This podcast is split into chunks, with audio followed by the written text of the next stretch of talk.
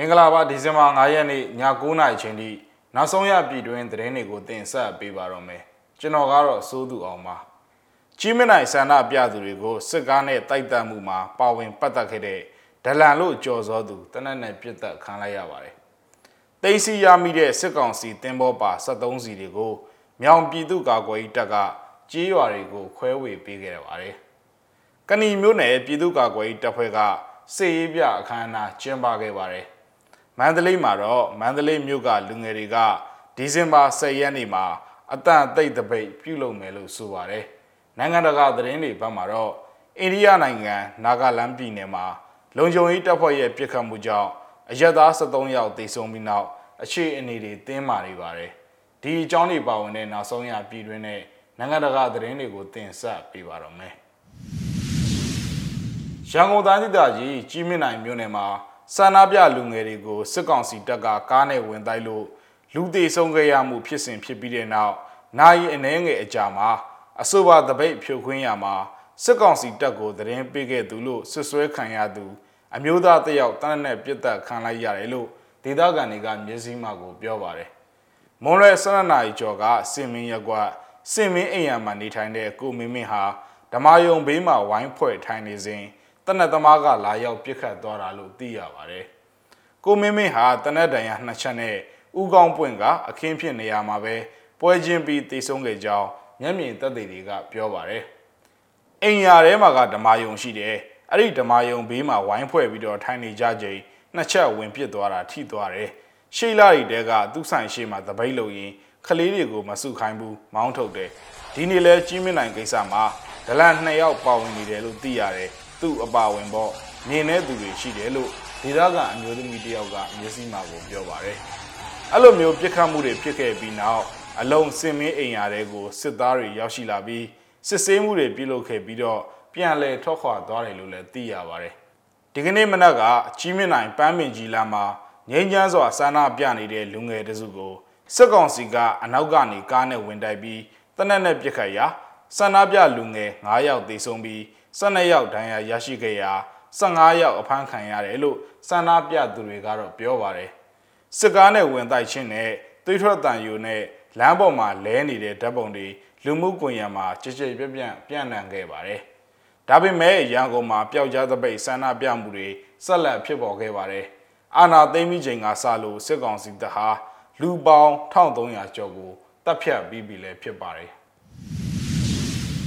ချင်းတွင်းမြစ်ထဲမှာတင်းစီရမိခဲ့တဲ့စစ်ကောင်စီရဲ့စီတင်သမောနှစ်စီးပေါ်မှာပါလာတဲ့73စီတွေကိုကြေးရွာတရွာကိုနှစ်ပိပါနှုံခွဲဝေပေးခဲ့ကြောင်းမြောင်မြို့နယ်ပြည်သူ့ကာကွယ်ရေးနဲ့လုံခြုံရေးအဖွဲ့ CDSOM အဖွဲ့ဝင်တယောက်ကပြောပါတယ်။ဝေရာကတော့73စီတွေကိုတရွာကိုနှစ်ပိပါနှုံးနေပါစရင်ကတော့အခုထိလုံနေတုံးပဲရှိသေးတယ်။ကြေးရွာနယ်မြေတွေကတော့ပြောပြလို့မရဘူး။သင်္ဘောနှစ်စီးလုံးမှာက73စီပဲပါတယ်။ ကျန်တာကတင်မောပစ္စည်းတချို့ပါလို့ CDS ဆိုအဖွဲ့ဝင်တယောက်ကမျက်စိမှကိုပြောပါတယ်။ချင်းတင်းမြစ်တဲမှာသွာလာနေတဲ့စစ်ကောင်စီပိုင်စီတင်တင်မောတွေဖြစ်တဲ့ရွှေကြိုးဖြူစီတင်မောနဲ့ BOC တင်မောတို့ကိုဒီဇင်ဘာ3ရက်မှာမြောင်မြို့နယ်ပြည်သူ့ကာကွယ်ရေးတပ်တွေက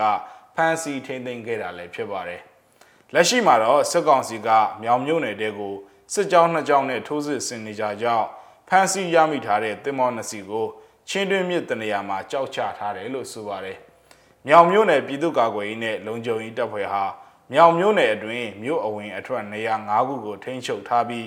အဆိုပါနေရာတွေကိုဖျက်ဆီးသွားလာတဲ့စစ်ကောင်စီနဲ့ဆက်နွယ်တဲ့ထုတ်ကုန်ပစ္စည်းတွေကိုပြည်သူပိုင်အဖြစ်သိမ်းဆည်းမှာဖြစ်ကြောင်းသူတို့ရဲ့လူမှုကွန်ရက်စာမျက်နှာမှာထုတ်ပြန်ထားတာလည်းဖြစ်ပါတယ်ခင်ဗျာစကိုင်းတိုင်းဒေသကြီးကန်ဒီမြို့နယ်မှာလည်း ပြည်သူ့ကာကွယ်ရေးတပ်ဖွဲ့ B21 စစ်ရေးပြအခမ်းအနားကိုဒီကနေ့ဒီဇင်ဘာ9ရက်နေ့မှာကျင်းပပြုလုပ်ခဲ့ပါတယ်။အဆိုပါအခမ်းအနားကိုကန်ဒီမြို့နယ်အတွင်းမှာရှိတဲ့တော်ရင်းတနေရာမှာကျင်းပခဲ့ပြီးမဟာမိတ်ပြုလုပ်ထားတဲ့တိုင်ရင်တပ်ဖွဲ့အသီးသီးကတာဝန်ရှိတဲ့သူတွေတက်ရောက်ခဲ့ကြပါတယ်။စစ်ရေးပြအခမ်းအနားအပြီးမှာတော့အကြမ်းဖက်စစ်ကောင်စီတပ်ဖွဲ့ဝင်တွေအားလုံးကိုအမြင့်ပြတ်ချိန်မုံဖို့ရည်ရွယ်ချက်နဲ့တိုက်ပွဲအတွင်းမှာတင်စီရမိထားတဲ့ စစ်ကောင်စီတပ်သုံးစစ်အင်ဂျီတထဲကိုမီးရှို့ခဲ့ကြပါတယ်။စကိုင်းတိုင်းဒေသကြီးချင်းတွင်းမြစ်အနောက်ဘက်ကမ်းမှာရှိတဲ့ကဏီရင်းမာပင်စာလင်ချင်းပလဲစတဲ့ဒေသတွေဟာစစ်ကောင်စီရဲ့ဖြက်လေးပြတ်ပြုလုပ်ခြင်းကိုခံထားရပေမဲ့စစ်ကောင်စီတပ်နဲ့တိုက်ပွဲတွေမကြာခဏဖြစ်ပွားနေတဲ့ဒေသတွေလည်းဖြစ်ကြပါတယ်ဆက်လက်ပြီးတော့မန္တလေးမြို့ကိုလည်းသွားရအောင်ပါမန္တလေးတိုင်းဒေသကြီးမှာရှိတဲ့ရဟန်းရှင်လူလူငယ်တွေက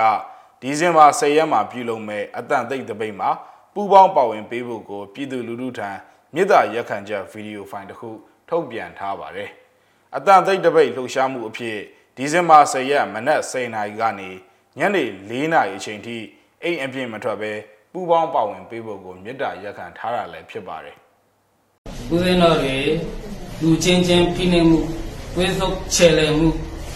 လူမဆန်မှုစတဲ့ အဖြစ်မျိုးကိုတည်မြဲစေမဲ့ဖက်စစ်စနစ်ဆိုးဟာသူတော့အတင်မျိုးနဲ့ပဲရှိတယ်မမီပေါ်ကနေမြစ်ပါမကျန်ပျောက်ပြီးတော့အောင်လေးနဲ့ထိတ်တဲ့ပြုကြပါဆိုတော့ရဲ့ချင်းမာသောအားနဲ့ချက်ကလက်လျှော့ရှုံးပေးရပါအောင်မြင်မှုတေချာဆုံးနည်းလမ်းကလက်မလျှော့ပဲကြိုးစားထုတ်ကျွန်ချင်တော်ပါတို့တခြားတစ်ယောက်ဒါမှမဟုတ်တခြားအချိန်တစ်ခုကိုစောင့်နေမယ်ဆိုကြောင်းလို့ဆိုတာရောက်လာမှာမဟုတ်ဘူးလေမိဘပြည်သူများအနေဖြင့်လည်းမိမိတို့ကိုယ်တိုင်မိမိတို့လူအခွင့်အရေးအတွက်တိုက်ပွဲဝင်တော့ဖို့ဒီဒီဇင်ဘာ10ရက်နေ့လူခွင့်ရေးများနေ့မှာမနက်7:00နာရီမှညနေ4:00နာရီတွင်အိမ်ပြင်မထွက်ခြင်းအပြင် စိုင်းလက်ဆက်တွေပေါအောင်မေးဖို့တိုက်တွန်းရပါတယ်ရေတော်ကိုအောင်ရမည်အခုတော့နိုင်ငံတကာသတင်းတွေဘက်ကိုသွားရအောင်ပါအိန္ဒိယနိုင်ငံအရှေ့မြောက်ပိုင်းနာဂလန်စ်ပြည်နယ်မှာယမန်နေ့ကအိန္ဒိယလုံခြုံရေးတပ်ဖွဲ့ဝင်တွေရဲ့ပြစ်ခတ်မှုကြောင့်အရက်သား73ယောက်တေဆုံးခဲ့ရတယ်လို့သိရပါတယ်။ရင်းဖြစ်စဉ်မှာလုံခြုံရေးတပ်ဖွဲ့ဝင်တွေက